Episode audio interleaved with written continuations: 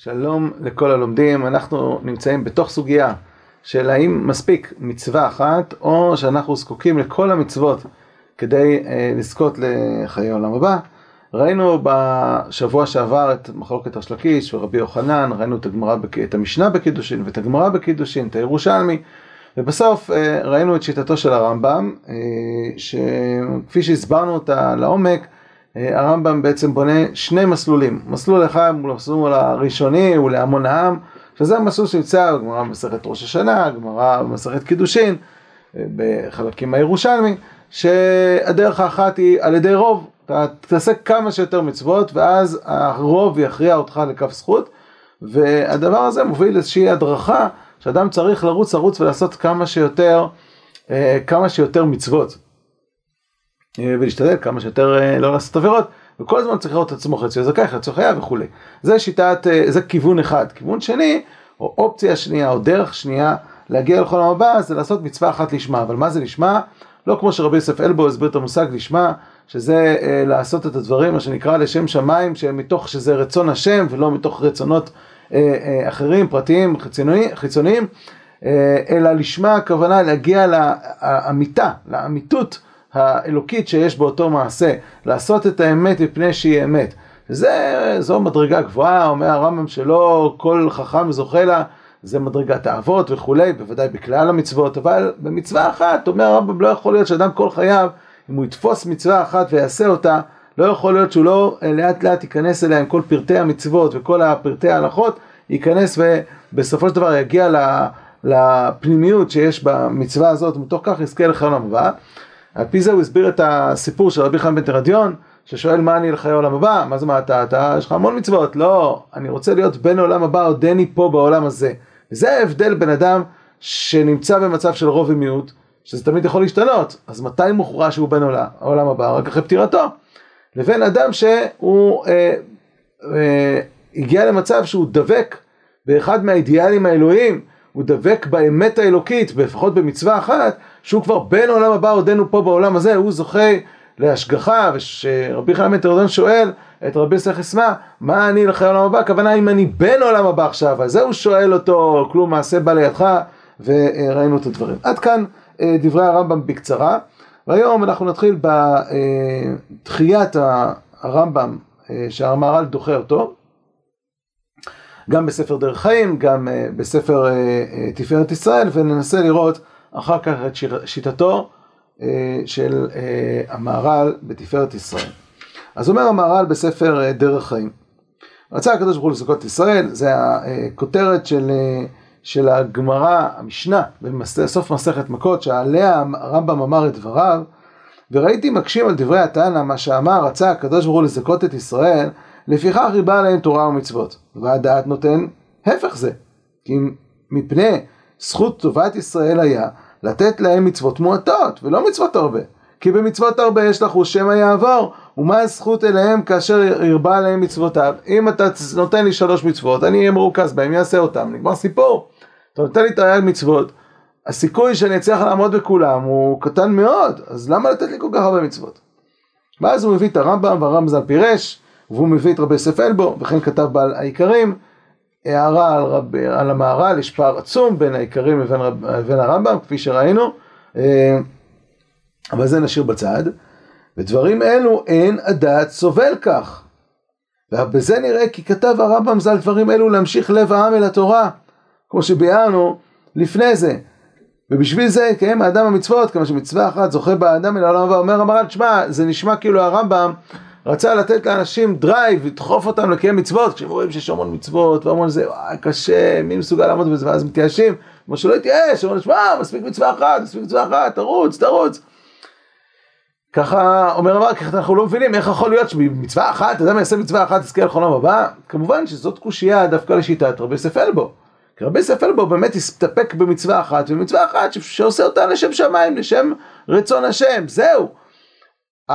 המהר"ל חיבר את רבי יוסף אלבו עם הרמב"ם, וממילא הוא הקשה, זה נראה לי באמת מוזר. אבל אצל הרמב"ם, לעשות מצווה אחת לשמה זה מדרגה מאוד מאוד גבוהה, ולכן הקושייה הזאת של המהר"ל על הרמב"ם, אה, היא לא כל כך אה, מדויקת. ואנחנו ממשיכים. המהר"ל מביא גם את הגמרא בסנהדרין, על מחלוקת ריש לקיש ורבי יוחנן, ואמרו לכן הרחיבה שאול נפשה פרה פיה לבלי חוק, אמר ריש לקיש וכולי, אז ריש לקיש מה אומר? אפילו נפלת בחוק אחד, נידון בשאול. ורבי יוחנן מה אומר? אפילו עשה מצווה אחת, ניצול משאול. אנחנו הסברנו לפי הרמב"ם, שריש לקיש זה לא מצווה אחת מתוך כל המצוות, וכבר הוא נידון לשאול. פעם אחת עבר עבירה, כבר נידון לשאול. לא, עשה מצווה אחת, תתירה לזכויותיו.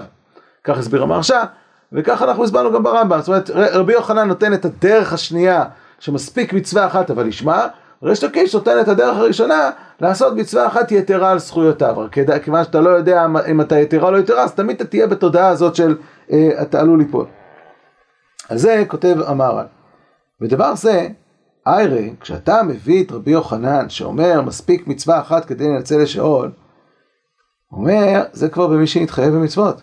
כיוון שכבר נתחייב במצוות, צריך שיהיה לו חוק אחד. מכל מקום אין הפירוש שאם עבר כמה מצוות וקיים מצווה אחת בשביל אותה מצווה יזכה לעולם הבא. כי דבר הזה אי אפשר לומר שמי שרובו הבנות יזכה לעולם הבא, מה מתכוון רבי יוחנן? רבי יוחנן מתכוון שאדם עובר את כל העבירות שבעולם, עשה מצווה אחת, יזכה ניצול משאול? זה נשמע לך הגיוני? שרובו הבנות יזכה, בגלל שיש לו איזה מצווה אחת, יזכה לך לעולם הבא? אומר המהר"ל, כל התורה שלנו מלאה בהפך מזה, איך אפשר להגיד את זה? ובעדיה פרקמא דראש השנה שלוש כיתות ליום הדין, אחת של צדיקים גמורים, אחת של רשעים גמורים, אחת של בינונים, צדיקים גמורים נכתבים אותי לך לעולם הבא, ושל רשעים נכתבים לך לעולם גיהנום, ושם הגמרא אומרת שמה זה צדיקים גמורים, רוב הבנות, רשעים גמורים, סליחה, צדיקים גמורים, רוב זכויות, רשעים גמורים, רוב הבנות, משמע בעדיה דברוב הבנות נחתם לגיהנם. אז איך אומר רבי יוחנן שעשה מצווה אחת ניצול משאול? לפי הפרשנות שלנו אנחנו תרצנו את הרמב"ם, למה? כי זה בוודאי שיש רוב ומיעוט. רוב ומיעוט, כשכל מה שיש לך זה רק כמותי, אז הכל נידון לפי רוב ומיעוט.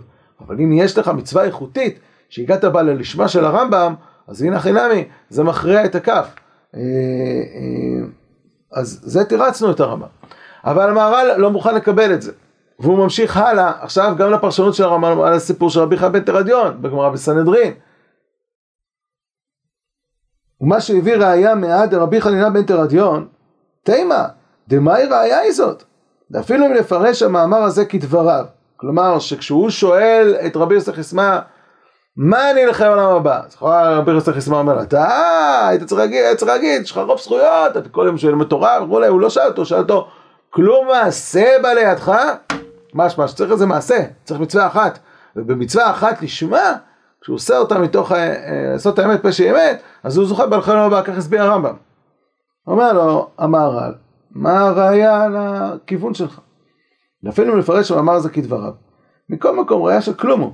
בוודאי רבי חיים תרדיון, ידע דלאו רשע הוא שיהיה נמנע חס ושלום בכלל פושעי ישראל, אבל אינה ראייה שיזכה האדם במצווה אחת אחרי העולם הבא אם היה לו רוב עוונות.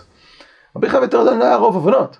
ולכן, השאלה שלו לא הייתה, תשמע, אני יש לי רוב עוונות, האם אני אזכה לך הבא? הוא אומר לו, תשמע, עשית איזה מצווה? הוא אומר, עשית מצווה? טוב, אתה אזכה לך הבא. זה לא השיח, זה לא הכיוון, וזה גם לא, אה, זה, לא הדמות, מדובר פה בתנא אלוהי. ולכן, אומר המהר"ל, הראייה של הרב מרבי חיים את הרדיון היא לא כל כך אה, ראייה. אנחנו הסברנו, שוב פעם, לפי הירושלמי, ברור שיש לו רוב זכויות, לפחות. והוא זכאי לך לעולם הבא, בח... בעולם הבא, אחרי פטירתו. הוא שאל האם אני בן העולם הבא. האם אני כבר עכשיו נמצא במצב של דבקות באלוה? כי אם אני כבר עכשיו, אני יכול לדעת שגם כשאני אמסור את הנפש שלי, גם כאשר יתפסו את הרומאים, גם אפילו אם יהרגו אותי, כמו שאומר לו הרב, רבו, שלפני פטירתו, שהוא ימות מיתה משונה, הוא יודע שזה יהיה מתוך השגחת השם, שזה יהיה לקידוש השם. ולכן, הוא, אין לו בעיה עם זה. כלומר, רבי חיים בן תרדון שאל לא האם אני אזכה אחרי פטירתי לחלום הבא, האם אני עכשיו זכאי לחלום הבא, בשביל זה צריך מצווה אחת לשמה. וזה מה ששאל אותו רבי יוסף חסמן, כך הזמנו את הרמב"ם. אבל המהר"ל, כפי שאמרנו, אה, אחרי כל ההתקפות, אומר, כלל הדבר, דברי הרמב"ם ז"ל, אין להם סמך. אין סמך. המהר"ל לא מוכן לקבל שאדם יעשה מצווה אחת ויזכה בלחם הבא. אין דבר כזה. האם הוא מסכים לרוב? לכאורה הוא ציטט את הרוב. אבל אנחנו היום נראה שזה לא פשוט בכלל, מה שיטתו של המהר"ל, אבל לאט לאט ייכנס. כדי להבין את המהר"ל, אנחנו צריכים קודם כל להבין את שיטתו בתפיסה מהי הנפש, למה היא ירדה לגוף, ומתוך כך נוכל להבין גם מה תפקיד המצוות. אחרי שנבין מה תפקיד המצוות, אנחנו בעזרת השם בחורף נעמיק בזה הרבה מאוד, אבל כרגע, מה תפקיד המצוות? אחרי שנבין מה תפקיד המצוות במראה, נוכל להבין האם צריך חלק מהמצוות, צריך רוב, צריך כל המצוות, נוכל להבין את שיטתו של המהר"ל בנקודה הזאת, כמו שגם בשיטת הרמב"ם, רק כשאתה מבין את תפיסת הרמב"ם, מהי הנפש, מהי הזכאות לכל העולם הבא, אז אתה יכול להבין שהמושג לשמה ברמב"ם, לעשות את פני שם אמת, זאת דרך שיש בה הבנה לשיטתו של הרמב"ם, של דבקות, שמזכה את האדם אחרי העולם הבא. אבל אנחנו עכשיו במהר"ל. אומר המהר"ל, לתפארת ישראל, פרק ג' המהר"ל תמיד מתחיל ב, אה, מדברי חז"ל, מהמדרש. אמר רבי לוי, משל עירוני, כלומר אדם פשוט שחי בעיר, שהיה נשוי בת מלכים, התחתן עם בת של המלך. אף על פי שמאכילה כל מעדני מלך, אינו יוצא לחובתו. למה? שהיא בת מלכים, היא, יש לה תשוקה למשהו אחר, לארמונות אחרים, מה שאתה תביא לה זה לא יהיה זה. כך כל מה שיפעול האדם עם נפשו, אינו יוצא ידי חובתו. למה? לפי שהיא מלמעלה, עד כאן. וביאור עניין זה, אומר המהר"ל, כי הנפש הזאת, שהיא מלמעלה ועומדת בתחתונים, כלומר מצד אחד היא שייכת לעולם העליון, היא באה מעולם העליון, כל הקיומיות שלה היא מעולם העליון, אבל היא נמצאת בעולם גשמי. תמיד היא משתוקקת אל התורה ואל המצוות. במה שהיא בתחתונים, כלומר משום שהיא בתחתונים. ודבר זה, שהיא בתחתונים, לחיסרון מדרגה יחשב לה. שהיא עצם נפש אלוהים מלמעלה ועומדת בתחתונים. וכל דבר שהוא חסר משתוקק אל ההשלמה. מה החסרון שיש לנשמה פה בעולם הזה? אנחנו היום נקפוץ מהר"ל רמח"ל, רמח"ל מהר"ל, כי הם בנקודה הזאת מדברים באותה שפה, משלימים אחד את השני. אומר הרמח"ל בספר דרך השם, בפרק ד' של חלק א', הנשמה עצמה, אף על פי שבעצמה היא זכה ועליונה, הנה בהיכנסה בגוף החומרי והסתבכה בו, נמצאת גרושה ודחויה מעניינה הטבעי אל עניין הופכי לו. כבושה בו בכוח מכריח ולא תוכל לצאת ממנו. אז קודם כל היא נמצאת בגוף שלא תואם את העולם הטבעי שלה. הוא, מה שמעניין את הגוף הזה, זה דברים שהנשמה לא מתעניינת בהם. אין לה בהם שום עניין. שתיים, המקום אשר הוא בתוכו, גם הוא חומרי וחשוך. הרי היא נמצאת פה בעולם גשמי, שהוא עולם שאין לה שום דבר שיכול לחיות אותה, שזה העניינים האלוהיים. לכל הנמצאים שבו חומריים, והעסק של האדם.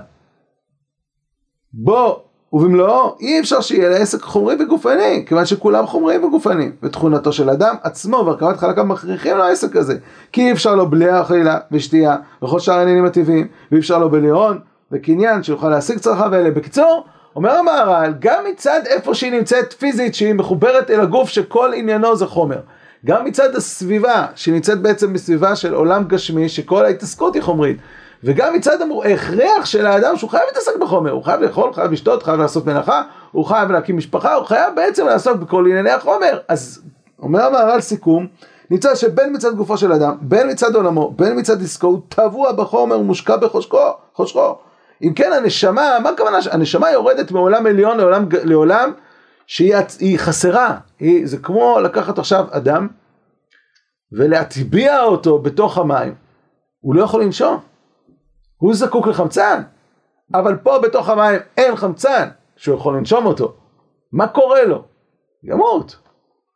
מה קורה לנשמה שנמצאת פה בעולם הזה הגשמי? אין שום דבר שמחיה אותה.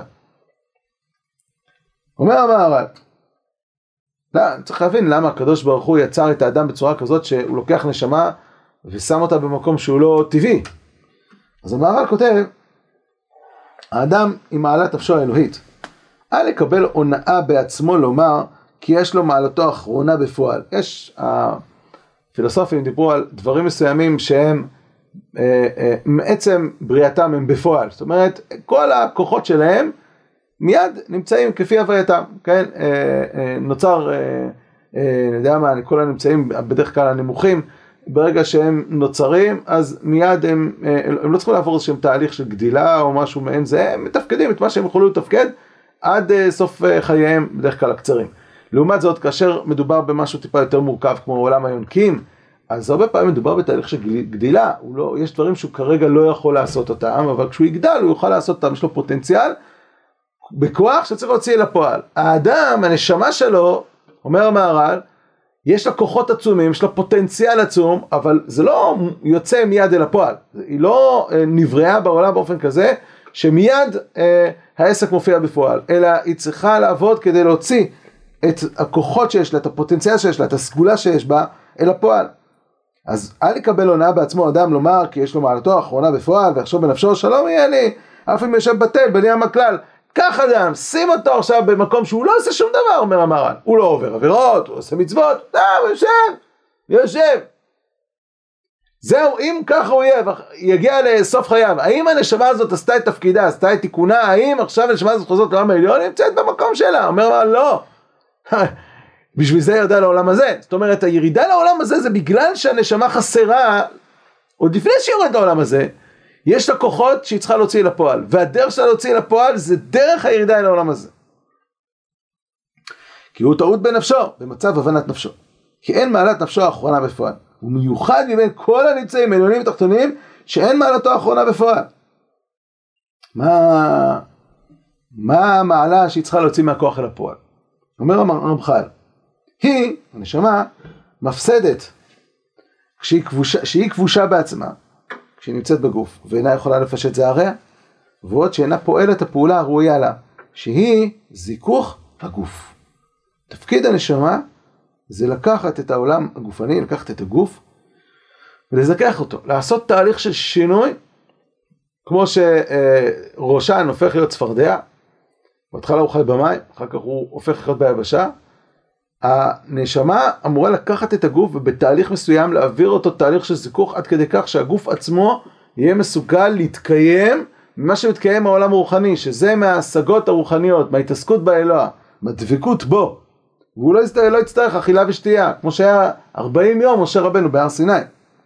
ואילו הייתה פועלת אותה, הייתה משתלמת בזה שלמות גדול, מצד מהות הפעולה עצמה, שהרי פעולת שלמות היא אותו מטיב ומשלים זולתו, כמו שהקדוש ברוך הוא מזכך ומהווה ומקיים את הבריאה, כך גם היא מדמה לבורה במה שהיא עושה ופועלת בגוף. ועוד, שזאת היא פעולה נאותה לה לפי טבעה וחוקה, כשלכך נוצרה, וכל נברא משתלם, מגיע לשלמותו, כשפועל מה שחקק לו בוראו, יתברך שיפעל. וחסר משלמות כל זמן שלא יפעל. אז אם כן, מה בכוח של הנשמה? הנשמה בכוח שלה זה זכך גוף, לכן כשהיא נמצאת בעולם העליון היא, היא, היא לא בשלמותה. היא יורדת לעולם גשמי כדי להוציא את הכוח הזה, את העוצמה הזאת, את הביטוי הזה שיש בה, מהכוח אל הפועל.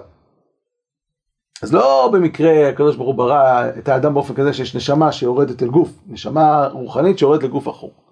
גם המהר"ל בתפארת ישראל פרק ז' כותב, עצמות הנפש שהיא מלמעלה היא זכה וטהורה, וניתנה, וניתנה בגוף האדם למטה, וצריך שיוציא אותה, מי? הגוף יוציא אותה אל הפועל, כמו שהגרעין יוציא אל הפועל מן האדמה שנזרע בו. המשל פה הוא משל מדהים, למה? הרי אם אתה לוקח גרעין שהוא שייך לעולם הצומח ואתה שם אותו באדמה, אז גרעין לעומת אדמה, גרעין זה כוח חיים שהוא לאין ארוך יותר גבוה מאשר אדמה. אדמה זה מחצבים שייך לעולם הדומם, נכון. אז יש פה כוח עוצמתי של חיים, אבל רק האדמה, בת, יש לה את הכוח שהגרעין יוכל להוציא את עצמו מהכוח אל הפועל, על ידי זה שהוא ייקח דברים מהאדמה. מינרלים ומים וכל מיני דברים שהוא זקוק והוא לוקח אותם מהאדמה, הוא מעלה אותם למדרגת צומח ומזה בסוף יוצא עץ. אומר מהר"ל אותו דבר. הפער שבין הנשמה והגוף זה שני עולמות, זה עולם גשמי, זה עולם רוחני. אבל הנשמה לא יכולה להוציא את עצמה מהכוח אל הפועל בלי שהיא תרד אל הגוף, תפעל בו, והגוף גם יפעל בה, היא תשתמש בגוף על ידי זה שהיא תוכל בסופו של דבר לקחת את הגוף ולהעלות אותו אליה, אל מדרגתה. וכאשר יצאה הנפש אל הפועל היא בשלמות, מצד השלמות שלה היא דבקה למעלה עם השם, כמו שהיא באה מלמעלה. אומר הרמח"ל, אה, איך עושים בעצם את העלייה הזאת? אז הוא אומר, מעומק עצת חוכמתו יתברך היה לסדר דברים באופן שאף בהיות האדם שקוע בחומר בהכרח. אי אפשר, זה לא שאדם עכשיו יכול לצאת מהעולם החומרי כפי שאמרנו מקודם, הוא חייב לאכול, הוא חייב לשתות וכולי. יוכל מתוך החומר עצמו והעסק הגופני השיג את השלמות וההתעלות אל הזוך ואל המעלה. שלמרות שהפעולות הן פעולות גשמיות, הן פעולות שיהפכו להיות פעולות, פעולות אלוקיות. איך? וזה כי שם השם יתברך גבולות וסדרים לאדם בתשמיש שישתמש מהעולם ובריאותיו, בכוונה שיתכוון בהם. שישתמש בהם האדם באותם הגבולות ואותם הסדרים, באותה הכוונה שציווה בורא יתברך, יהיה אותו הפועל הגופני והחומרי עצמו פועל שלמות, ובו יתעצם האדם מציאות שלמות מעלה רבה, יתעלה בו במצבו השפל ויתרומם ממנו. אז מה אומר פה הרמח"ל? אומר הרמח"ל יש גבולות וסדרים. כל פעולה שאתה עושה, יש גבול וסדר. מה זה הגבול והסדר? אז כפי שנראה ברמח"ל, במהר"ל תכף, הגבול זה איך אדם שומר את עצמו באופן כזה שהפעולה הגשמית הזאת לא תצא, לא תתעוות מהסדר האלוהי שנמצא למעלה, אלא שהפעולה תהיה תואמת את הסדר האלוהי. והסדר זה כבר איזושהי הערה שבאה מלמעלה על אותו מעשה. בואו ננסה להבין מה מדובר. מי שמסביר את הדברים הללו זה המהר"ל בתפארת ישראל פרק ד'. אומר המהר"ל מספר המצוות שבהם נפשו יוצאה מאפלה לאורה. כמו שאמרו זכרונם לברכה בסוף מכות, דרש רבי סמלי תרי"ג מצוות נתנו לא למשה, שסה לא תעשה כמניין ימות החמה, ורמח עשה כמניין איבריו של אדם. אומר המהר"ל נסביר לך מה, מה העניין. החלק האחד, שזה שסה מצוות לא תעשה, הם כנגד ימות החמה. מה זה ימות החמה? החמה היא הסמל של הסדר. המשהו הקבוע, הלא משתנה, שלא יוצאים מהסדר לעולם. שלא יהיה משנה את מציאותו אשר נברא עליו. הרי מה הגוף? הגוף מלא בתאוות. באופן טבעי הוא רוצה לאכול דברים שלא נכון לאכול אותם, שאסור לאכול אותם, שלא צריך לאכול אותם. הוא, הוא יוצא מהסדר כל הזמן. תפקיד הלא תעשה הוא לשמור את הגוף באופן כזה שהוא לא יצא מהסדר ששייך, ש, ש, ש, שאז עדיין הוא יהיה שייך לסדר של העולם העליון. הוא לא יתעוות. אבל כשאדם עובר על לא תעשה, אז מתעוות לו משהו שכבר לא תואם את הסדר של העולם העליון. זה המושג כנגד ימות החמה, שלא משנה מציאותו אשר נברא עליו, כי אם משנה את מציאותו אשר נברא עליו, הרי יש לו שינוי, מה שראוי למציאות האדם ויבוא הפסד למציאותו. ואלו הם המצוות לא תעשה, שכל אלו המצוות הם שלא יצא אדם מן מה שהוא ראוי למציאותו, כבעילת איסור וגזל וגניבה וכיוצא בהם מן המצוות. כי אף אנחנו לא נדע טעם המצוות, מקום נדע שבכל מצוות לא תעשה יציאה מן היושר המציאות. יש סדר של עולם עליון ואתה צריך לשמור על ההתאמה שלך כל הזמן, למרות שאתה נמצא בעולם גופני. החלק השני זה המצוות תעשה. מה זה המצוות תעשה? כי כבר אמרנו שאין האדם במדרגותו האחרונה האלוהית, אלא הוא בכוח בלבד, צריך שיקנה השלמות בפועל על ידי מצוות האלוהיות. כלומר, זה הפעולה שכשאדם עושה אותה, הפעולה היא פעולה שהיא פעולה אלוהית.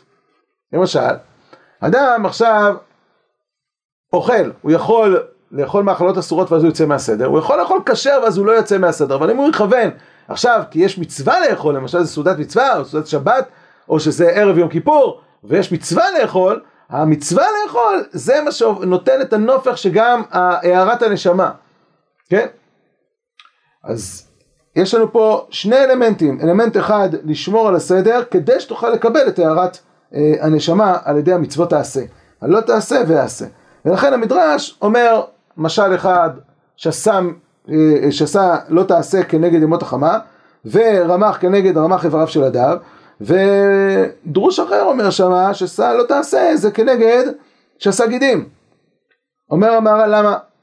כי רמח איברים זה כנגד איבריו של האדם, זה הצורה שלו, זה הצורה האלוקית שבו, זה הערת הנשמה שתאיר בו. מה זה הגידים? הגידים זה, ה... אנחנו בשפה שלנו זה עורקים, כן? כלומר, זה הכוח שנותן את החיות אל האיבר כדי שהוא לא ימות, כן? שהוא לא יתעוות.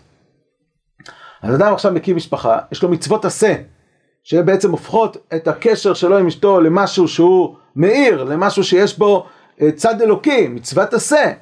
והשמירה של הלא תעשה מסביב, איסורי עריות ואיסורי הנידה וכדומה, שומר אותו שהוא לא יצא מן הסדר, ואז שהגוף שמור בסדר על ידי רמ, אה, אה, שסה, גידים שנותנים חיות אל האיבר, ומצד שני הוא בונה פה איבר, כי הוא, יש לו פה מצוות עשה, אז הנה הוא הופך להיות אה, שלם. כך גם הרמח"ל בספר דרך השם, הסדרים והגבולות האלה, הנה הם כלל המצוות, העשים והלווין, אשר בכל אחת מהם מכוונת אל תכלית היכנות באדם והעצים בו אחת ממדרגות המעלה האמיתית שזכרנו, והסרת אחד מענייני החושר והחסרונות, על ידי פועל המצוות תעשה, או מניע מן הלא תעשה. אומר הרב חיים ויטל בשערי קדושה, שזה בדיוק ההתאמה בין החלקים של הנשמה לבין האדם, או יותר נכון הגוף שלו. המזון הרוחני של הנפש הקדושה נמשך אליה על ידי קיום התורה, הכלולה מתרי"ג מצוות, כדמיון תרי"ג איברי הנפש, גם הם, ונקרא לחם, כמו שכתוב, לכו לחמו בלחמי. בכל איבר מן הרמ"ח איברים, ניזון ממצווה פרטית המתייחסת לאותו איבר. כאשר יחסר לאדם איזו, קיום איזו מצווה, גם האיבר הפרטי המתייחס למצווה, יחסר ממנו מזונו. נמשך לו הרבה יותר יותר וכולי וכולי, ואז מה קורה לאיבר? הוא נחרט. אדם שחסר לו מצווה, זה אומר, זה כמו אדם שעכשיו חסר לו יד. הוא לא אדם שלם, הוא אדם חסר. חסר לו איבר. ומה קורה אם הוא עובר על לא תעשה, אבל הוא כן תעשה?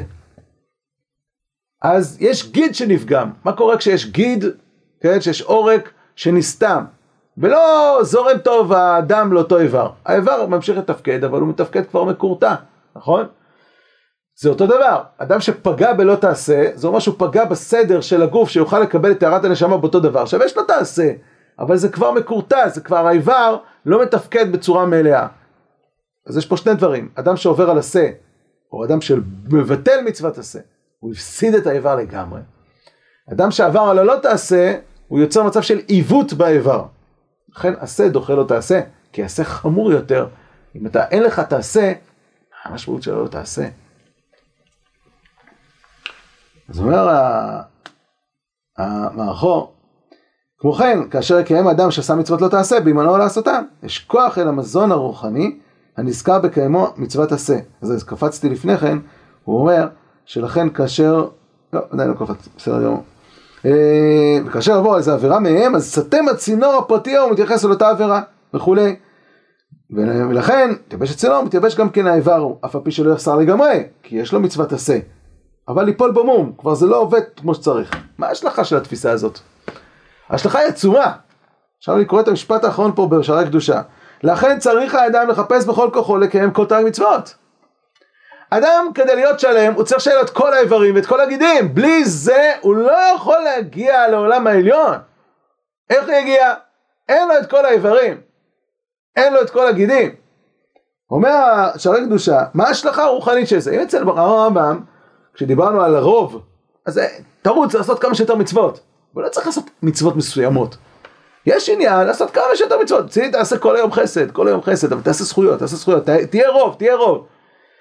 בתפיסה הזאת של המהר"ל, שאנחנו מבינים שיש פה מבנה מסוים של נפש ויש גוף ויש מטרה של היחסים שבין הנפש והגוף והמצוות הם כלי כדי ליצור מצב שיש פה נפש שלמה ויש פה גוף שלם ויש פה מבנה שלם שעכשיו מסוגל לעלות לעולם העליון אתה חייב את כל תרי"ג המצוות, ממילא הדחף הגדול הוא שאדם מקיים את כל המצוות.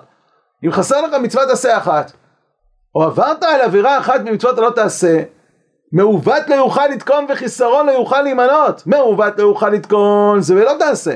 וחיסרון לא יוכל להימנות זה בעשה. אם יש לך חיסרון של דבר, איך תימנה מבני העולם הבא? חסר לך בצלם. הנה האיש שנטבה רוחו אותו, להיותו בא להתאהב ולהתקדש, קבל עליו מלכות שמיים על המיטתה, יכין עצמו בכל מאודו ויזדרז לקיים כל תרי"ג מצוות. אתם מבינים שבתפיסה הזאת אנשים רצים לחפש כל מיני מצוות מאוד מאוד חריגות, כמו איזה ראשית הגז או פתח חמור, כל מיני מצוות כאלו, למה? כי אתה חייב, ב, ב, ב, אתה חייב לעשות את כולם. יש מצוות לעשות כל יום, צריך להמשיך לעשות אותם, לא זה, אבל חסר לי איבר עדיין. זה מתח אחר לחלוטין. כי אם תחסר ממנו מצווה אחת בין רמ"ח מצוות עשה, עדיין הוא חסר איבר אחד מנפשו. ועליו נאמר בחיסרון לא יוכל להימנות. וזה חמור יותר. מהכלל, כל איש אשר במום לא יקרב. למקדש יכול להיכנס ולעבוד כהן שהוא חסר לו איבר? לא. למה אתה חושב שבעולם הבא אתה תוכל להגיע אם חסר לך את אחד האיברים הרוחניים? אך מי, שקי, מי שקיים ועבר מצווה אחת משסה מצוות לא תעשה, נקרא בעל מום ממש. כי נתאבץ צינור והגיד הממשיך השפע באיברים, עליו נאמר מעוות לא יוכל לתקון. פירוש אחר פטירתו מן העולם, כי בעולם הזה יכול לעשות תשובה כמובן. נמצא כי כל זמן שלא קיים את הרעיון מצוות נקרא צדיק שאינו גמור. זה המושג. רוב הבנות, רוב זכויות. רוב זכויות צדיק שאינו גמור. נו, זה לא גמור. הוא לא גמור זה אומר שיש לך עדיין עבודה חבוב. איך תגיע לעולם הבא? אתם מבינים שאנחנו מתקדמים בצעדי ענק לריש לקיש? לא לריש לקיש של הרמב"ם ושל המהרש"א. ריש לקיש אחר, פשט ריש לקיש. תכף נגיע. ולכן, ביאור הצדיק, מדרגת הצדיק בפליטות, כי יש מדרגת הקדוש, שזו מדרגה גבוהה יותר, אה, חסיד, והוא שיזדרז בכל כוחו להשלים כל האפשר מתאג מצוות לקיימם בזמן הזה, לפי שיש סברות רבות במניין המצוות, סברות תחילה, ואז הוא אומר לך, אני צריך את כל שיטת המצוות, שיטת הרמב"ם, שיטת הזה, כי יש כל מיני שיטות, איך סופרים, אתה חייב להספיק, להשיג את הכל, את הכל אתה חייב להשיג. אומר הרמח"ל בדרך השם, גם כן את אותו יסוד, השקיף החוכמה לעניין כל כללי החסרונות המוטבעים בעניינו של אדם, את כל ענייני המעלה והעיקר האמיתי המצטרכים לו, היותו ראוי לי שיהיה מתדבק בו יתברך ונהנה מטובו, בטובו. כנגד כל זה סדר לו סדרים, מצוות תעשה, והגביל לו גבולות, מצוות לא תעשה. שבשומרו אותה מתעצם בו כל מה שצריך מן המעלה האמיתית וכולי וכולי, לא נאריך בעניין הזה. יש ב, ל, ב, בספרי החסידות, יש הרבה סיפורים שמבטאים את הרעיון הזה. כן? כמו אותו אחד שהבעל שם טוב, כשלא ירדו גשמים, אמר לתלמידים שלו, לכו לפלוני אלמוני, שנמצא שם ושם, שיתפלל, והתפילה שלו תענה. טוב, הלכו לשם, הראו אותו, ראו אותו שכל יום קם בבוקר, מניח אה, תפילין, קורא את, ה, את הקורבנות, ואז אחרי בסיום הקורבנות הוא אומר, אי אפשר להתפלל בלי איזה משקה. ואז הוא שותה, שותה עד כדי שהוא משתכר ונרדם, ואז הוא מתעורר ביום למחרת, ועוד פעם אה, תפילין, קורבנות. אומר אי אפשר להתפלל באיזה משקה, וככה זה, באמת מה, אנחנו מבקשים איזה שיכור, ל, שיכור ל, להתפלל, מה זה, אבל ביקשו ממנו שיתפלל ויתפלל וירדו גשמים, ואז חזרו לבב שלו, אמרו, אה סיפור. אמרו, תשמע, זה נשמה שהוא עשה את כל המצוות, לא עבר שום עבירה מימיו, רק דבר אחד מה היה, הוא היה אומר את הקורבנות, היה אומר אותם בלי תפילין, וכתוב שמי שלא, מי שאומר קריאת שמע בלי תפילין, לדעת חלק מהפוסקים זה גם קריאת שמע אה, של קורבנות, אז כאילו הוא מעיד עדות שקר בעצמו, אז הורידו אותו פה לעולם כדי לתקן רק את זה, אבל כדי שהוא לא יקלקל דברים אחרים, אז גזרו עליו שהוא ישתה וישתכר כל הזמן, ככה לא, ית... לא, לא, יהיה לו, לא יגרום לקלקול אחר, אבל צריך עוד פעם לרדת. זאת תפיסה שבאה ואומרת, חייב להגיע לשלמות. עכשיו נקרא את הירושלמי, את בן עזאי. פחד אימים הבן עזאי הזה.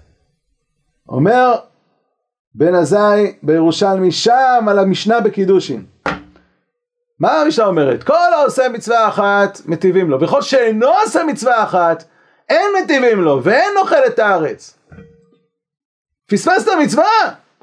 אין, אתה לא בפנים. מה, רוב, מיעוט, מה, איפה? אומר הבן עזאי, תחילת הפסוק, חוטא וחוטא אחד יאבד טובה הרבה. זבובי מוות יביש, יביע שמן רוקח. מה זאת אומרת? יכול להיות לך שמן רוקח, שמן מאוד מאוד במדרגה גבוהה מאוד, שווה הרבה כסף. זבוב אחד שיורד, מבאיש את כולו. הנה זבוב אחד שמת, שמא אינו מביא שמן רוקח? וזה, על ידי חטא אחד שחטא, איבד כל זכויות שבידו. זה ריש לקיש. הפשט של ריש לקיש. אומרת הגמרא בסנהדרין, חוזרים לריש לקיש, לכן הרחיבה שאול נפשה פרה פיה לבני חוק, אמר ריש לקיש למי שמשער אפילו חוק אחד. אין פה יתרה על זכויותיו, הוא יכל להגיד את זה. חוק אחד! רבי יוחנן אומר, תשמע, לא ניחא למרא יהודה, אמרת, אחי, מי יגיע לזה? זאת שאלה, כן? אז קודם כל המהר"ל, שמבין שזה מאוד מאוד מאוד מאוד מעצבן, כן? אז אומר המהר"ל, בואו נענה תשובה איך יש לקטנים עולם הבא, ואיך יש לאנשים, איך לנו יש עולם הבא, תקופת גלות, רוב המצוות תעשה אנחנו לא יכולים לעשות אותם בכלל. אין מקדש, אין קורבנות, טומאה, טהרה, כל זה אין לנו. אנחנו אולי מקיימים איזה 60 ומשהו מצוות עשה מתוך כל הרמ"ח. איך אנחנו נזכה לכל העולם הבא? אבל תירגע, יש לזה פתרונות. קודם כל, נ, נ, נ, ניתן תשובות נוספות. האור החיים הקדוש בפרשת ויקל, כשהוא מדבר על, כל, על זה שכל עם ישראל השתתפו בבניין המשכן, אז הוא אומר בדיוק את היסוד הזה, הוא אומר כדי להגיע למקום של שכינה, אותו דבר גם כדי להגיע לכל העולם הבא, אדם צריך את כל המצוות, הוא שואל איך נעשה את כל המצוות? יש כאלה שהם כהנים בכלל, יש כאלה שהם לווים, יש כאלה שהם גברים, יש כאלה שהם נשים, אפשר לעשות כל המצוות. אומר אור החיים הקדוש, הדרך זה על ידי שאתה משתתף בכללות ישראל. וכל אחד עושה את המצוות שלו, ואז אם אתה, אם אתה, יש לך את המצווה הכללית שהיא מצוות ואהבת לרעך כמוך, אז אתה מתחבר וממילא אתה זוכה לתת וגם לקבל מצוות מתוך כלל ישראל, ובסוף אתה זורם מתוך כלל ישראל. זה התשובה של האור החיים הקדוש, מתוך ההבנה והתפיסה שבסוף צריך את כל המצוות, איך עושים את זה. יש uh, תשובה אחרת שהיא uh, uh, uh, תשובה שכותבים אותה רבים, שתלמוד תורה כנגד כולם, בסדר? אז מצוות שאתה לא יכול לעשות אותן, תלמד תורה. והתורה, הלימוד נחשב כמעשה. לכן uh, התחילו ללמוד את תרי"ג מצוות. אז תלמד ספר מצוות לרמב"ם, תלמד ספר, מצוות, ספר החינוך. למה?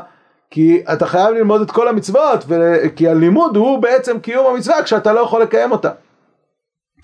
ויש כאלה שפרשו השם משמואל, פירוש מאוד עמוק, שבכל מצווה יש את תרי"ג המצוות בקטן.